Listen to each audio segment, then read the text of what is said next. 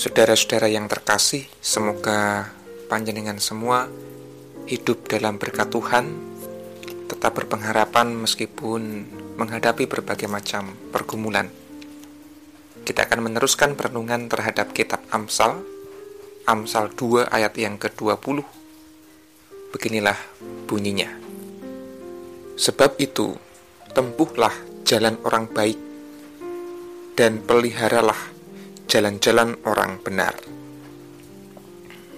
Saudara-saudara, ada kata baik dan ada kata benar.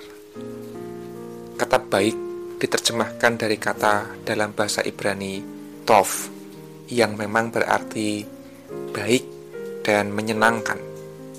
Sesuatu yang indah. Tentu kita semua menyukai hal-hal yang baik, hal-hal yang indah, dan hal-hal yang menyenangkan.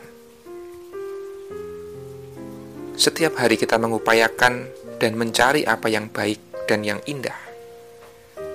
Sesuatu yang baik dan indah lebih membuat hati kita senang dibanding hal-hal yang jelek, hal-hal yang buruk. Nah, Amsal menasihatkan agar kehidupan kita berusaha menempuh jalan kebaikan, jalan yang membuat diri kita maupun orang lain itu merasa senang, merasa bahagia. Dan bukankah hidup kita setiap hari merindukan dan membutuhkan kebaikan? Kita memilih orang-orang yang berbuat baik kepada kita, dan kita pun merasa terpanggil untuk berbuat baik kepada sesama kita. Namun kitab Amsal memberikan nasihat agar kita tidak sekadar mengupayakan kebaikan, namun juga mengupayakan kebenaran. Amsal menasihatkan khususnya kepada anak-anak muda untuk menempuh jalan yang baik tetapi juga memelihara jalan yang benar. Kata benar diterjemahkan dari kata sadik yang berarti adil atau perbuatan yang benar. Seringkali orang terjebak pada sekadar mengupayakan kebaikan dan kesenangan, meskipun harus dengan cara-cara yang tidak adil. Memang, sering kali kebenaran itu menyakitkan. Memang sering kali kejujuran membuat kita merasa tidak nyaman. Namun ada saat-saat di mana kita harus memperjuangkan kebenaran dan keadilan. Kita hidup di dunia di mana sering kali kebaikan diupayakan tidak dengan cara-cara yang benar.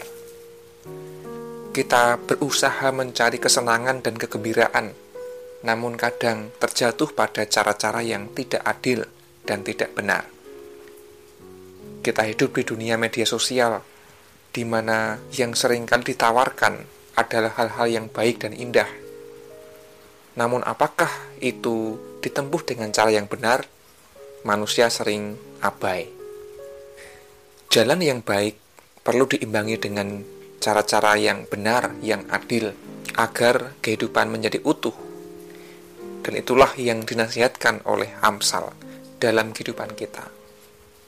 Tentu, kalau jalan yang ditempuh hanya jalan yang benar, yang adil, namun caranya adalah dengan kekerasan dan permusuhan, itu pun tidak membawa kebaikan.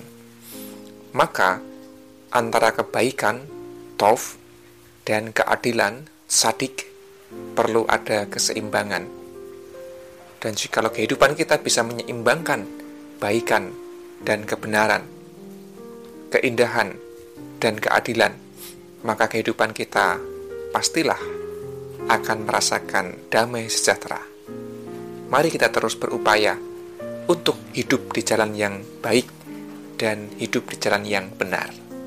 Kiranya Tuhan menolong kita semua untuk hidup baik dan benar. Amin.